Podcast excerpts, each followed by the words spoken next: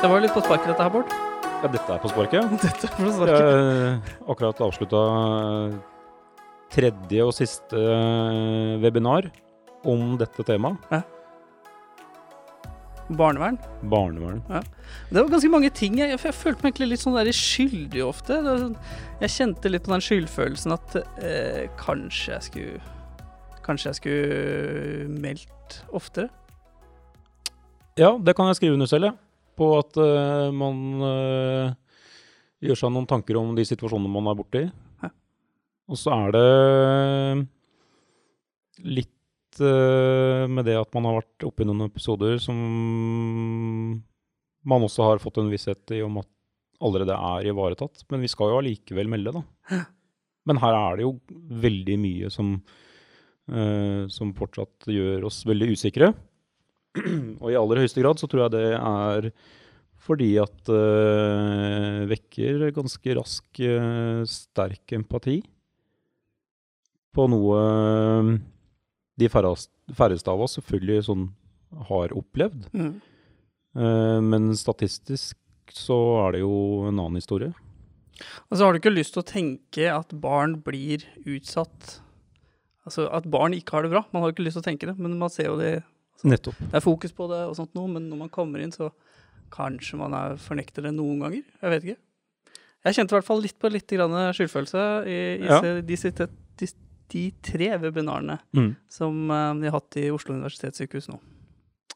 Jeg tror det at eh, I hvert fall sånn, sånn når vi nå setter eh, såpass god eh, Og gjør dette i en sånn type innpakning som vi har nå, så gjør det oss eh, mer skjerpa til å kanskje både se etter de eh, delene som vi skal snakke om noe seinere i denne episoden. Men det er i hvert fall eh, en liten tankevekker. I det minste. Det er ikke sånn at vi to kommer til å sitte her og prate eh, sånn her. For nå har vi egentlig ikke prata så mye om hva vi skal egentlig prate om. Eh, eh, mitt navn er Ole Kristian Andreassen. Jeg jobber som paramedic i Oslo. Du gjør podkasten Du pusser for fort. Og ved siden av meg så sitter vi en som har vært med før. Så du heter Bård, gjør du ikke? Eh, riktig. Bård Nilsson. Ja. Jobber også i eh, OS, i Kompetansenetten, sammen med, sammen med deg. Ja. Eh, og så jobber jeg også på legebil. Men det er ved siden av oss egentlig diamanten sitter. Eh, Tommy Bysveen, hjertelig velkommen. Jeg har gleda meg til å ha deg med i eh, podkasten. Tusen takk. Jeg har ikke vært her, men har alltid drømt om å være her, så klart. Er det sant? Ja, det var ja, så koselig. du, eh, du kan jo begynne litt eh, og så fortelle litt grann om deg selv, kanskje? Eh, ja, jeg eh, jobber nå som paramedic på Prinsdal ambulansestasjon i Oslo. Og i år så har jeg vært i tjenesten i ti år. Eh, og så har jeg jo fått denne interessen, kan du si, da, kanskje feil ord å bruke, men eh, satt meg en del inn i barnemishandling. Og har skjønt at eh, folk kan for lite om det, og det er et behov for at folk får litt mer opplæring. Mm. Du skrev bacheloroppgaven din om det òg, Eh, ja. eller? Jeg skrev bacheloroppgave for et par år siden, når jeg gikk på Oslo OsloMet. Uh, den gikk ut på hvordan ambulansepersonell skal kunne oppdage flere barn som er utsatt for mishandling, og hvordan de kan gå videre med mistanken. Da. Og det som er litt kult, syns jeg nå, det har ikke jeg sagt til deg før, men jeg skrev en prosjektbeskrivelse, og der skulle man også komme med en sånn formidlingsplan med hvordan du kan nå ut med dette budskapet. Da. Og et av punktene da var at uh, podkasten din er en ypperlig måte å få ut informasjon på. Så det er kult. det har du ikke sagt før nå. Det har jeg ikke Nei. sagt, så det, er det syns jeg er kult. Få se. Ehm, ja, vi skal egentlig snakke om på en måte det med barnevern og hvordan vi skal melde. Vi skal snakke litt om eh, hvem disse barna er, eh, hvem foreldrene er. Eh, men politiet er jo veldig opptatt av, barnevernet er veldig opptatt av at eh, vi som ambulansepersonell eh, vi har en veldig viktig oppgave, nettopp det å oppdage eh, hjemme hos barn. Kan ikke du utdype litt? Eh, Det skjønner jeg godt at de syns at vi bør gjøre. Eh, Og vi er jo i en veldig spesiell situasjon, eh, både i forhold til helsevesenet generelt, men også i forhold til politiet og barnevernet. For vi drar hjem til folk, de forventer at vi skal hjelpe dem. Vi kommer liksom Vi er velkomne når vi kommer hjem til folk, stort sett, da. Og fordelen for oss er at vi er til stede raskt etter en situasjon har skjedd. Kan se hvordan folk har det hjemme. Eh, og har muligheten til å fange opp mye mer enn hva vi sannsynligvis gjør. da. Jeg tenker, det er jo, jeg tenker at vi må diskutere litt med Tommy også om hvorfor dette gjør oss litt usikre. Eh, vi har jo gjort oss noen tanker. Jeg har gjort meg noen tanker. Eh, og jeg vet ikke hva du tenker, Tommy? Jeg syns det er litt deilig å høre at dere er litt usikre, dere som kan så mye fra før av. Og så føler dere usikre på det feltet her, så det er bra at kan komme noen utenfra og lære dere litt òg. Eh, samtidig så er det jo bra at folk tenker over situasjoner de har vært i før, og kanskje kan endre hvordan de oppfører seg i neste situasjon. Da. Sånn at uh, når du er på turer du har vært på tidligere som du ikke har gjort noe med, så har du større sjanse for å gjøre noe med det nå når du kan litt mer. Men er, tror du frykten er fordi at vi er redd for å gjøre noe feil, eller er det fordi at uh, vi er redd for at dette også tråkker opp i ting som både statistisk, som vi vet, kan være nærmere enn vi tror, eller at, uh, at det tråkker i noe som vi selv føler blir for nærme? Jeg tror vi er redde for å gjøre feil, rett og slett. Eh, og så har alle folk det iboende i seg at eh, hvis man kan velge å se bort fra ting fordi det er en sjanse for at det, ikke har skjedd, så legger man seg ofte på den ballen der, da. Og mange som ikke tør å grave i ubehagelige ting. Og det tror jeg gjelder også både når du snakker med andre pasientgrupper, eh, ruspasienter, psykiatripasienter og sånn. Så tror jeg ikke folk liker å grave i historien til folk, så lenge de ikke føler at de må. Men her i forhold til disse barna, så syns jeg at alle skal tørre å gå litt mer i seg selv, og tørre å ta tak i de situasjonene. Det er veldig mange der ute som aldri vil få den hjelpen de trenger, hvis ikke vi tar litt ansvar for de, da. Hvis vi går inn på barnemishandling, da. Um, hva, hva, altså, hva, hva, legger man i barnemishandling?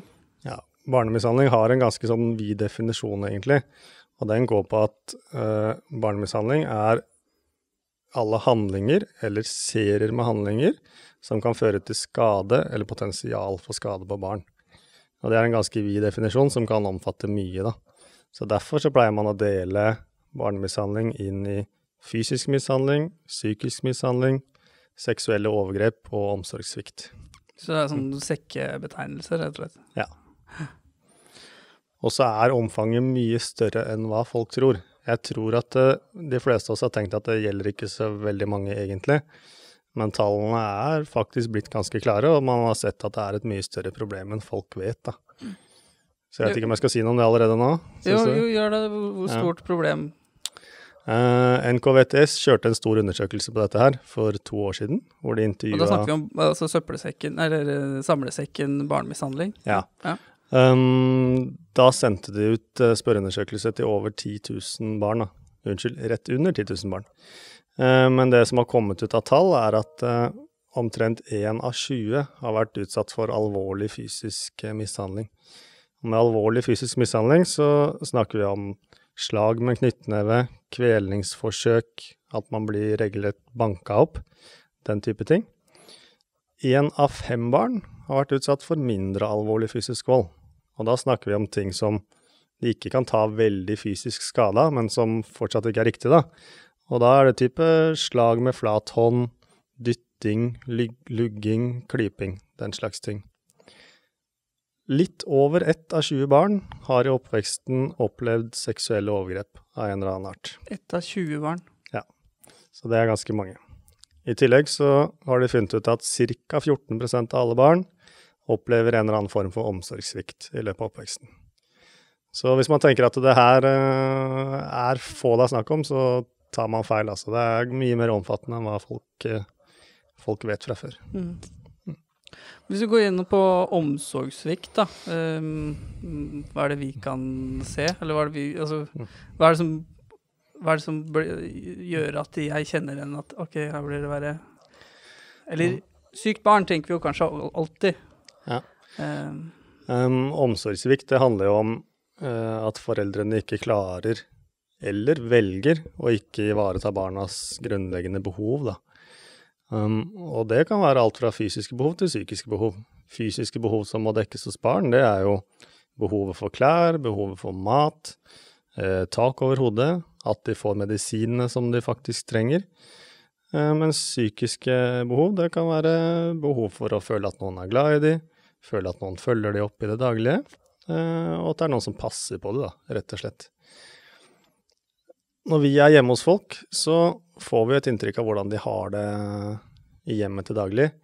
Og som vi har snakka om på disse webinarene òg, så, så er det ikke grunn til bekymring når folk har det sånn vanlig rotete hjemme. Eh, alle småbarnsforeldre har ting liggende strødd overalt, så det er ikke de vi snakker om. Men vi snakker om de tilfellene der hvor det er gjengrodd møkk overalt, det er mugg, det er ikke mat tilgjengelig i skapene, det ligger medisiner framme, det ligger ting framme som barna kan skade seg på, da. Da har du en situasjon med omsorgssvikt. Så har du også flere tilfeller der hvor vi kommer hjem til barn, der hvor det virker som om det er barna som har ansvaret for foreldrene og ikke omvendt. Og det kan være tilfeller hvor foreldrene sliter med rus eller sterke psykiske lidelser, og barna føler at de må ta vare på de, da. Mm. Tenk deg det. Ta Mm. vare på mor og far med, med rusproblem. Man blir, jeg ser for meg litt sånn veslevoksen, ja. Mm. Ja, og det kan det ofte være. Mm. Eh, De får mye mer ansvar enn hva de skal ha i ung alder. Mm. Og det skal jo ikke være sånn at barna tar det ansvaret. Veldig ofte så kan vi også se at eh, eh, hvis foreldrene har flere barn, så er det det største barnet som får ansvaret for den yngre søskenflokken. Da. Det er heller ikke uvanlig. Men tror du vi kan se det ute på et oppdrag? Tror, altså, hva, hva, tror du vi kan se, kjenne igjen det der noen gang? Som regel Eller så blir vi jo tilkalt for disse voksne i de tilfellene som vi kan oppdage barna som har ansvaret. Og da kan det rett og slett være at det er barna som ringer fordi de ikke klarer å få kontakt med moren eller faren. Eh, De reagerer jo ikke på at de rister på dem eller snakker til dem. Eh, Så vi fanger de nok mest opp på turer som egentlig ikke er på barna. Så jeg tror vi må begynne å tenke eh, litt videre når vi drar hjem til folk. Ikke være så fokusert på hva meldinga egentlig er, men se litt mer på boforholdene og hvordan situasjonen er der hjemme. Men det henger jo helt klart sammen med at vi også må være bedre kjent med at eh, barnevernet i seg selv har flere tangenter å spille på enn ytterpunktet som veldig ofte er referert, hvor man må ta barnet og plassere barnet. Mm. For hvis man da vet det, så, eh, så vil jo akkurat disse gråsonetilfellene kunne få et helt annet tilbud i de situasjonene vi erkjenner det. Det er veldig mange som fortsatt tror at hvis du ringer til barnevernet, så kommer det automatisk noen fra barnevernet og tar barna ut av hjemmet, eh, og at foreldrene nesten ikke får se barna igjen. Men det er jo ikke, ikke realiteten. Barnevernet er der for å sørge for at foreldrene kan oppdra barna sine da, på en riktig måte. Og de har en rekke hjelpetiltak de kan sette inn til familiene. Så barnevernet er ikke bare for å hjelpe barnet, men også for å hjelpe hele familien. Eh, Så hvis folk eh, på en måte senker terskelen for når barnevernet skal kontaktes, så tror jeg det kommer til å hjelpe mange. Så skal det sies òg at du kan jo ringe barnevernet og diskutere alle saker da, anonymt før du velger å sende en bekymringsmelding. Og er du i tvil om du skal sende eller ikke, så bør du ringe til de som faktisk har peiling på det her, da, og det er jo barnevernet. Så får du god veiledning og råd fra de. Så er det ofte man kan, øh, kjenne igjen at du, du er inne et sted, og så er det Du, du bare får en klump i magen, liksom. Det er et eller annet som ikke stemmer hjemme hos øh, den familien. Altså, historien stemmer ikke, eller Det er bare en sånn klump i magen, og det bare ha noen å ringe til og si at 'dette så jeg', 'dette kjente jeg'. Ehm, bare sånn helt anonymt. Det, det kan være litt øh, godt, det også. Kan jo, kan jo snakke med makkeren din også, for å høre om makkeren Ja. også har hatt den samme opplevelsen og har kanskje til og med den samme oppfattelsen av, eh, av, eh, av situasjonen. Og da kanskje raskt kunne konkludere med at her er det jo noe som åpenbart skurrer. Og det kan jo være at eh, enten du eller jeg har fått eh, to forskjellige forklaringer på et hendelsesforløp som ikke samsvarer med f.eks. skader. Da har man jo en indikasjon på å følge det opp Akkurat det du sier nå er veldig viktig, egentlig, dette med historien. Eh, For det er en av de viktigste tingene vi må tenke over når vi er hjemme hos spesielt disse skadde barna. da. Om stemmer det omsorgspersonene sier med det du faktisk ser når du er hjemme hos, eh, hos barnet? Og når du får forskjellige historier fra de forskjellige som er til stede, så er jo det også en eh, grunn til bekymring, ikke sant. I tillegg så er det jo sånn at eh, når barna kommer eh, i en litt høyere alder, så kan du jo faktisk spørre de hva som har skjedd. Og hvis de sier noe annet enn hva foreldrene sier, da, da går det noen varsellamper hos meg i hvert fall. Mm. Men alder har jo mye å si her på, på barnet, Tommy. Mm. Er det, er det sånn at eh, Er det også noe statistikk som sier noe om eh, alder i forhold til eh, fare for alvorligere skader? Eh, Det er det. Eh, Før, når jeg har tenkt på barnemishandling, så ser jeg egentlig for meg en sånn fem-seksåring som blir banka opp hjemme. Men realiteten er at det er de aller minste barna som er i størst fare for å bli utsatt for eh, alvorlig fysisk vold. Eh, Og det er som regel de barna under to år, og gjerne de som er helt nede i babystadiet. De er mest utsatt, eh, og det er de som får mest alvorlige følger av volden også. Nå er vi på en måte inne på fysisk mishandlingsdelen. Eh, hva er det I webinaret så hadde du med deg dokke for å vise rett og slett hva er det man kan se etter. Mm. Eh, hva er det typiske kjennetegn på at eh, dette kan være altså, dette kan være mishandling? Eh, Det jeg vil si først, er at eh, hos de aller minste barna så er det sjelden en naturlig forklaring på at de har skader og har blåmerker. Uh, For å kunne få skader, så må du også kunne bevege deg, ikke sant? Og de minste babyene, når du er under seks måneder, så beveger du deg sjelden så mye at du kan regenerere så mye kraft at det oppstår skader og blåmerker. Så man sier at eh, alle merker på barn under seks måneder, det er suspekte merker, da. Etter hvert som barna blir eldre og eldre, så, så beveger de seg også mer. De leker mer, og de faller og slår seg mer.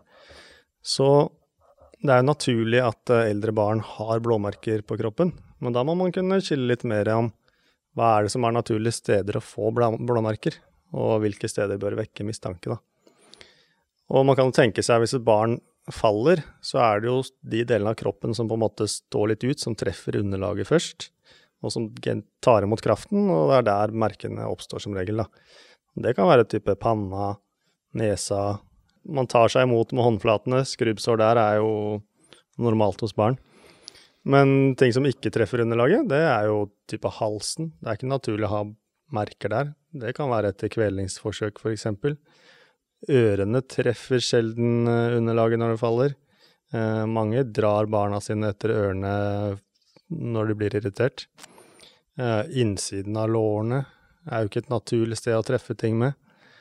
Eh, hvis du har store blåmerker på, på rumpa og på baksiden av lårene, så kan det være et tegn på at eh, du blir straffa for noe du har gjort. Eh, så man må liksom se litt på hvor merkene er, og så må du sammenfatte det med historien du får fortalt, og tenke om det er logisk at det har oppstått merker der, da. Og så skal det sies at det finnes jo enkelte sykdomstilstander og sånn som gjør at barn får lettere merker. Noen har jo eh, forstyrrelser i koagulasjonssystemet. Noen har sykdommer som gjør at de lettere brekker bein og den type ting. Men det er det jo de på sykehuset som skal finne ut av. Vi skal jo bare melde mistanken vår videre, og så er det andre som skal finne ut om de faktisk har blitt utsatt for det eller ikke. Da. Men da, da sier du at når, når vi da skal melde det videre, så skal vi allikevel Vi skal jo fortsatt melde det til barnevernet. Vi skal melde det til barnevernet. levere. Og, og ytre en bekymring, eh, bekymring overfor mottagende enhet. Ja, Da. det er helt riktig det du sier, men samtidig så er det veldig viktig at vi tar den bekymringen videre til de som tar imot også, og at journalen vi leverer på sykehuset eller legevakt er veldig nøyaktig. Fordi vi har masse informasjon som de på sykehuset aldri kommer til å få tak i. Eh, Så de er avhengig av våre observasjoner, og veldig ofte våre skriftlige observasjoner. De betyr som regel mest. Så at vi fyller ut en god journal når vi leverer på sykehuset, det er veldig viktig. I tillegg så må vi varsle barnevernet om de sakene. Jeg tenkte du kunne gå litt videre. altså Dette er nesten litt ubehagelig å si, men eh, seksuelle overgrep på barn. Kunne du gå litt videre på det? Mm. Um, ja, Hva, er det som er, hva er det som er statistikken der? Er det en Det er nesten det samme som alvorlig fysisk vold. Eh, det man har sett, er at eh, litt i overkant av én av 20 barn har blitt utsatt for et seksuelt overgrep i løpet av oppveksten. Eh, så det er ganske mange barn, det også. Eh, det som er litt spesielt med de, er at det er veldig ofte at man aldri får høre om dem. Eh, det er mange som aldri forteller til noen at de har blitt utsatt for et seksuelt overgrep. Og av de som faktisk forteller det, så tar det i snitt 17 år fra overgrepet har skjedd, og til de forteller det til noen. Ja, Det har det jo vært flere mediesaker om nå i det siste. Det har i hvert fall vært Mm. to forskjellige saker i media hvor akkurat det har, det har skjedd. Det har gått uh, mange år. Mm. Og man ser at eh, de som har en seksuell tiltrekning mot barn, eh, de blir også frista til å oppsøke steder hvor det er mange barn, ikke sant. Det er jo naturlig å tenke seg. Eh, så overgripere kan du finne ofte i, idretts, i idretten. I speidere, korps, eh, barnehager, skoler. Fordi de som har en seksuell tilknytning til barn, de prøver også klart å oppsøke barna der de er. Men det er veldig sjelden vi er i noen befatning med når overgrepene har skjedd. Ja, Det er kan vel ikke Jeg har ikke vært med på det noen gang gjennom mine ti år.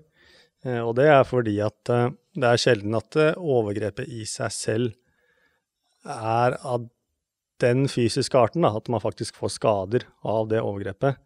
De situasjonene vi møter folk som har vært utsatt for seksuelle overgrep, det er ofte pga. Psykiske belastninger de får som følge både av overgrepet der og da, som så klart er veldig belastende, men også tiden i etterkant. da. Eh, og de kan vi møte på turer til ungdommer f.eks. som driver med selvskading, eh, som har prøvd å ta livet sitt. Eh, Rus. Rus, ja. Mm. Alle mulige måter som folk prøver å flykte unna virkeligheten, da, og kanskje komme seg unna tankene sine. Jeg husker ikke helt tallet på det, men det er jo eh, en overrepresentasjon med også de som får disse eh, ikke-epileptiske utløste anfallene. Ja. Det er ingen som frivillig legger seg ned og rister på bakken fordi de syns det er gøy, altså. Så dette er også en pasientgruppe som vi bør kunne grave litt mer i, og finne ut litt mer hva de faktisk sliter med. Eh, og så tenker jeg med alle disse jeg nevnte nå, så, så må vi rett og slett grave litt mer. Vi må tørre å spørre. Er det noen som gjør noe seksuelt mot deg? Hvordan behandler foreldrene dine deg? Eh, hva er det som faktisk gjør at du velger å kutte deg? For det er jo ingen som kutter seg fordi de syns det er kjempegøy å kutte seg på underarmene. Jeg syns ikke det er så fristende, i hvert fall. Men her har vel sikkert også korona gjort sitt. Med at uh, Der er det jo et, et studie som NKVTS også har gjort, som også sier noe om, om uh, uh, både hyppigheten, eller hvor, hvor dette, og hvordan dette skjer.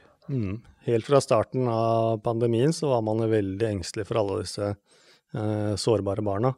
Hvordan pandemien skulle gå utover de. Og man har sett, som man har fryktet, at det har vært en økning i ulike former for mishandling i koronapandemien. Og litt av grunnen til det er jo at i det daglige så er det stort sett skoler og barnehager, eh, helsesøster, som fanger opp tilfeller som varsles til barnevernet. Eh, men når eh, det stenger, så mister jo de muligheten til det, da. Eh, I tillegg så Barn som trenger hjelp fra barnevernstjenesten, mange av de har hørt om alarmtelefonen for barn og unge som de kan ringe til. Men antall innringninger gikk veldig ned i starten av pandemien. Og det er jo mest fordi foreldrene var alltid til stede. Så hvis du blir eh, mishandla av foreldrene dine, så tør du jo ikke å ringe mens de hører på, ikke sant. Eh, så antall henvendelser gikk ned, og de henvendelsene som faktisk kom, de kom stort sett på natta, da. Når foreldrene lå og sov. Og i forhold til den koronasituasjonen, da, så har jo vi kanskje et ekstra ansvar for å fange opp disse her. Fordi Vi kommer jo hjem til de. ja, det skal mer enn en pandemi til for at vi ikke møter de barna, ikke sant. Vi drar jo hjem til alle, vi. Uansett hva situasjonen er i samfunnet ellers.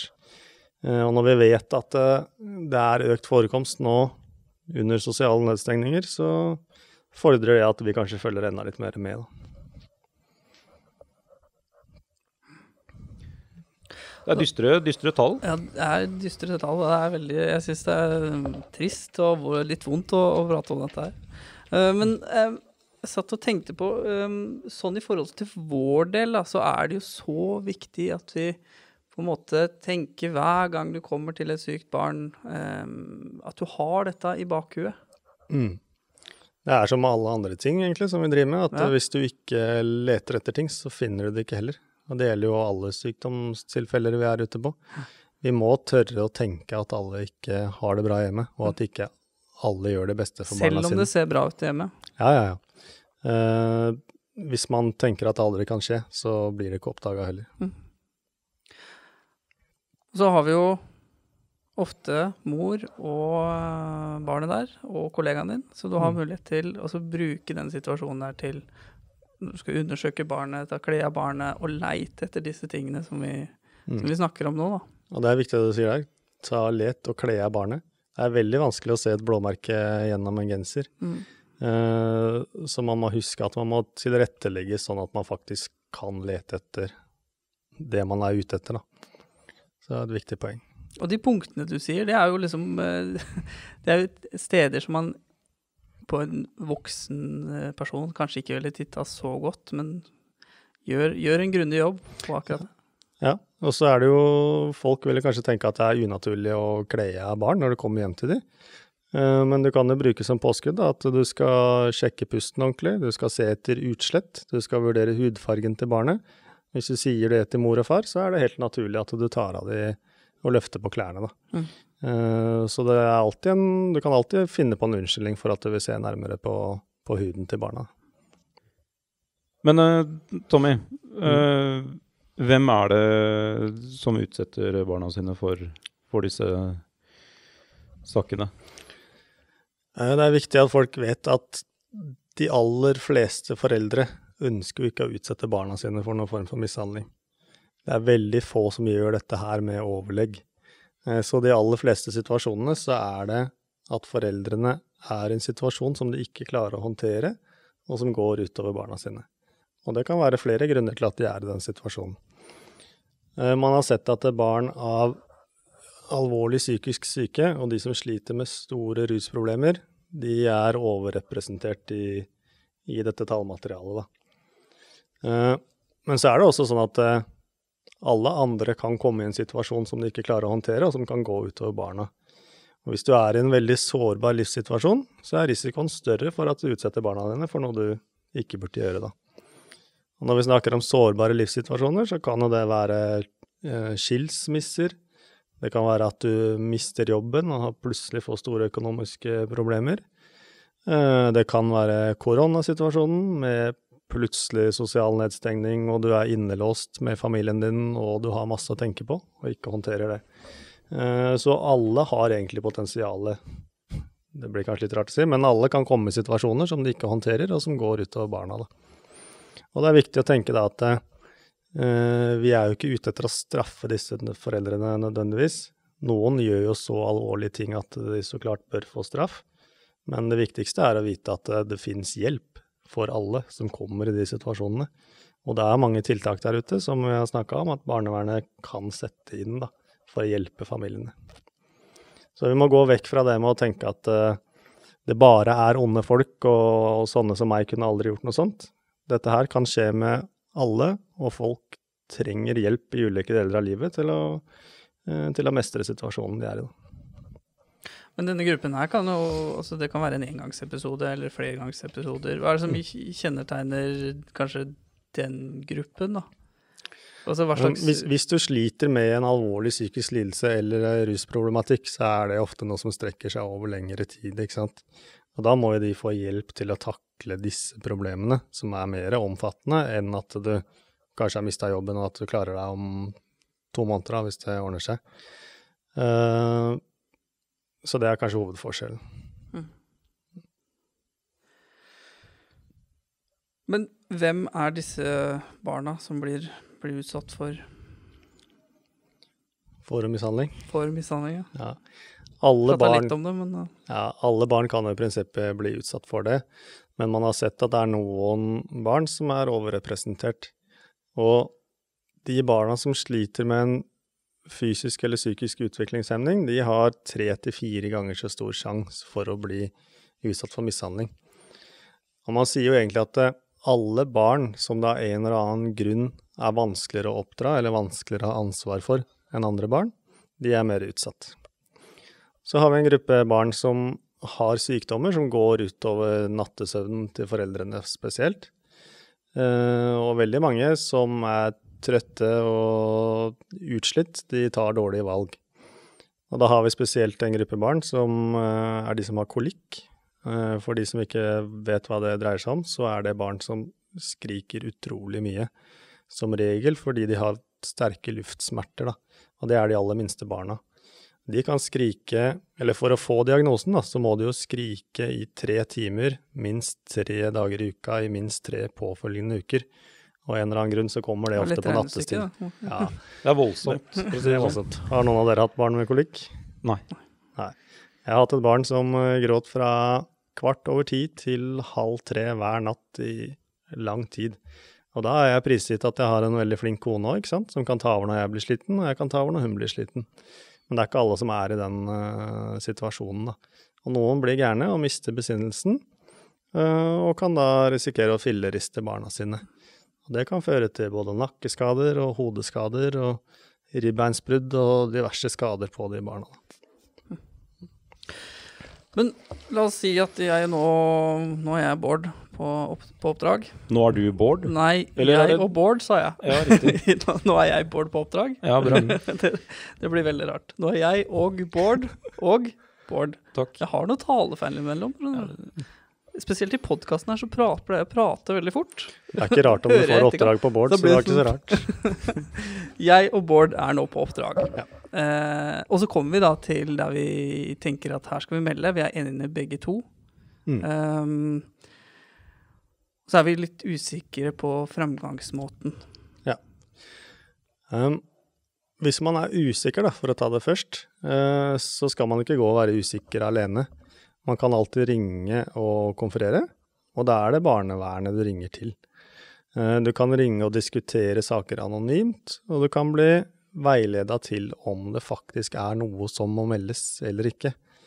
Eh, og de du skal ringe da, det er eh, barnevernet i den kommunen du er, eller eh, barnevernsvakta i den kommunen du tilhører. Det er de du skal rådføre deg med. Hvis du ikke vet hvilke kontorer det er, så kan du ringe alarmtelefonen for barn og unge. Det hele døgnet. Det er hele døgnet. Eh, de kan du nå på telefon 116 111. Eh, og de, det er egentlig barnevernsvaktene som styrer den telefonen. Da. Så uansett da hvor du er, så kan du bare ringe 116 111. Ja. Og så får du på en måte hjelp til aktuelle kommunen. Absolutt. Ja. Og du kan også ringe de og drøfte saken anonymt med de, da. Mm. og få hjelp til å vite om du skal melde videre eller ikke. Så er det sånn i det landet her at eh, på dagtid så er det egentlig barnevernskontoret der hvor barnet bor, som har akuttansvaret på dagtid. Men så lenge de er stengt, på kvelden og natta og helger, så er det barnevernsvakta i den kommunen. De skal få hjelp. øh, Skal få hjelp. Så da har vi fått hjelp med at uh, vi har funnet hvor vi skal ringe og hvor vi skal henvende oss. Uh, og så er det rett og slett å, det å melde, da. Mm. Eh, Når du skal melde noe til barnevernet, så har de forskjellige tidsfrister å forholde seg til. Eh, Så når du sender en skriftlig melding til barnevernet, så har de én uke på seg til å vurdere den meldingen. Og da sier det seg selv at eh, hvis du er i en situasjon hvor du tenker at dette barnet trenger hjelp nå, eller i morgen, eller om to dager, så holder det ikke å sende av gårde en melding, da. For det er ikke sikkert at den blir lest i riktig tid. Og da må du ringe og varsle per telefon først. Da snakker vi om handlingsplikten, ikke sant? Eh, og når du faktisk skal melde skriftlig, da, så har jo barnevernet også blitt eh, ganske digitalt, heldigvis. Eh, vi finner barnevernsmeldingen ved å gå inn på buffdir.no. Eh, det er sidene til Barne-, ungdoms- og familiedirektoratet. Og der kan du klikke deg inn på ba barneverndelen, og at du skal melde fra til barnevernet som offentlig ansatt. Da. Mm. Og når vi er på saker gjennom jobben vår, så melder vi som offentlig ansatte. Det er det vi må trykke på da. Og det vet jeg det er mange som kvier seg med. Hva vil, hva vil det si i etterkant at vi melder med altså, du- Da kommer jo nesten fullt navn og Ja, det kommer Ikke ikke, nesten men, eh, eh, fullt navn, men det kommer fullt navn. Eh, og når vi eh, er offentlig ansatte, så er vi nødt til å melde med, med fullt navn. Og grunnen til det er jo hovedsakelig at barnevernet skal ha en kontakt opp mot oss, pluss at eh, man må faktisk stå inne for meldingen man sender, da. Mm. Eh, men jeg har tatt opp dette her med, med barnevernsvakta i Oslo, fordi jeg vet det er mange som er engstelige for å sende meldinger av gårde, i frykt for å bli oppsøkt i etterkant, da. Men det viser seg at det er ekstremt sjeldent, og vår avdelingsoverlege har ikke hørt om noen tilfeller hvor det har skjedd. Så jeg tror den frykten eh, Man trenger ikke å ha den frykten så mye som mange har, da. Det er jo referert til at, at foreldre også innser barnets beste når det først blir meldt. Det er ikke nødvendigvis dette, at dette er ytterpunktet av meldinger hvor barnet må omplasseres. Det kan være, som vi har diskutert nå, at det er, det er flere tangenter å spille på. eh, og dermed så innser de at det hjelper. Mm. Og så er det veldig mange som er takknemlige for at det faktisk er noen som kommer utenfra, ser situasjonen deres og ser barnets situasjon, og sørger for at det blir satt inn tiltak, da. Og det, jeg, jeg tror også at de ikke nødvendigvis ser oss som, eh, som enkeltpersoner. De ser oss i form av det yrket vi kommer dit for, øh, og som offentlig ansatt. Øh, øh, og så har vi dette er, ikke, dette er jo ikke valgfag, dette er en plikt. Dette er en plikt. Mm. Jeg tror også det, at de skjønner at det er ikke Bård som melder til barnevernet, det er ambulansetjenesten. Da. At han er der på vegne av ambulansetjenesten, at det faktisk er vi som, som varsler. Så det skal nok ekstremt mye til før noen kommer og banker på døra, døra di i etterkant. Da.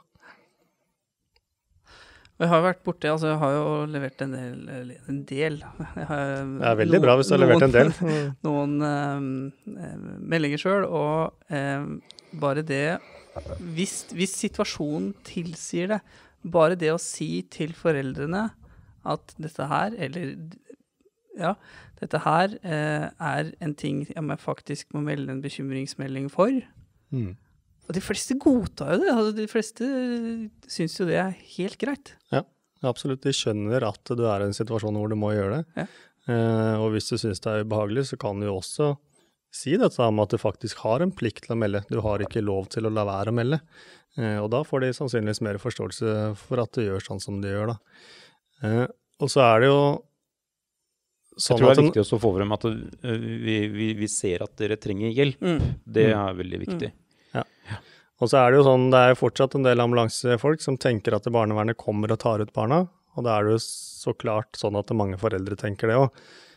Så det er jo lurt å si at når du kobler inn barnevernet, så kommer de for å hjelpe dere. De har mange tiltak for å hjelpe hele familien. Det er ikke sånn at de kommer og tar barna dine. Eh, Så hvis du er tydelig på det, så, eh, så tror jeg sinnet hos foreldrene vil senkes betraktelig, da. bør vel kanskje nevnes da at eh, offentlige etater og offentlige tjenester som dette her har også en plikt på å lokalt eh, arkivere eh, disse meldingene, slik at man må jo følge den lokale eh, avdelingen, eller der man jobber sine retningslinjer for å kunne arkivere dette. Mm. eh, Og Det er litt viktig at du tar at nå, spesielt nå når vi snakker om å melde digitalt, så skal man fortsatt skrive ut en kopi av meldingen. Da. Eh, og når man har sendt digitalt, og faktisk sendt den inn, så kommer det opp en skjerm hvor du kan skrive ut en kopi av meldingen og levere den til sjefen din, eller den på stasjonen som har fått ansvaret for å arkivere meldingene. Se kvittering, er det det det står? Ja, se kvittering står det, og så kommer det et sånt eh, utskriftsikon, så du får en utskriftsvennlig versjon av, av meldingen. Mm. Vi må runde av. Vi har prata nok. Nei, ikke nok. Det er masse vi kunne egentlig tatt tak i. Vi skulle tatt det videre. Vi skulle nesten lagd et webinar for alle på dette. Kanskje vi skal gjøre det? Det syns jeg at vi skal gjøre. Og eh, i løpet av kort tid så er eh, ambisjonen og planen vår at eh, selve nettkurset også blir nasjonalt tilgjengelig via NAKOS. Og må man jobbe i ambulansetjenesten da, eller kan alle få tilgang? Til et sånn type nettkurs? Uh, I utgangspunktet så er det de som er tilknytta blålysetatene som, som har tilgang på Nakos, og helsepersonell for øvrig, da. Så skal vi oppsummere litt, da. Mm. Leit, vær nysgjerrig. Uh, ikke vær redd for å si fra, og, og bli kjent med hvordan du skal melde. Mm. Tør å tenke at eh, barn blir utsatt for ting som du egentlig ikke vil tenke på. Eh, ha øynene litt mer åpne, og er du usikker, så ta, ring barnevernet og hør med de. Det er de som er eksperter på det, det er egentlig ikke oss. Så er det du som har sett det, som har ansvar for å melde, og ikke den legevaktslegen som tar imot vedkommende. Så du kan ikke, for, ja, hvordan, du kan ikke videremelde til legevaktslegen at 'å, jeg har en bekymring'. Det er Nei. du som har ansvaret. Det blir som Eh, å gi fra seg plikten sin, da. Ja. Ja, alle som oppdager dette her, eller har en bekymring, har en selvstendig plikt for å melde. Eh, og det hjelper heller ikke hvis foreldrene sier at barnevernet er inne i saken allerede. Er du på en situasjon som du er bekymra for, så skal det meldes uansett. Det var fin siste ord. Jeg tror vi avslutter der, jeg. Tommy, hjertelig takk for at du gadd å ta deg tid til dette her. Og takk for at du har satt deg inn i, inn i temaet. Jo, takk for at vi fikk komme. Og så er det jo sinnssykt kult at mange barn kanskje kan få mer hjelp, hvis vi blir litt mer oppmerksomme i det daglige. Bård, takk for nå. Takk for nå. Så ses vi Vi prates en annen gang.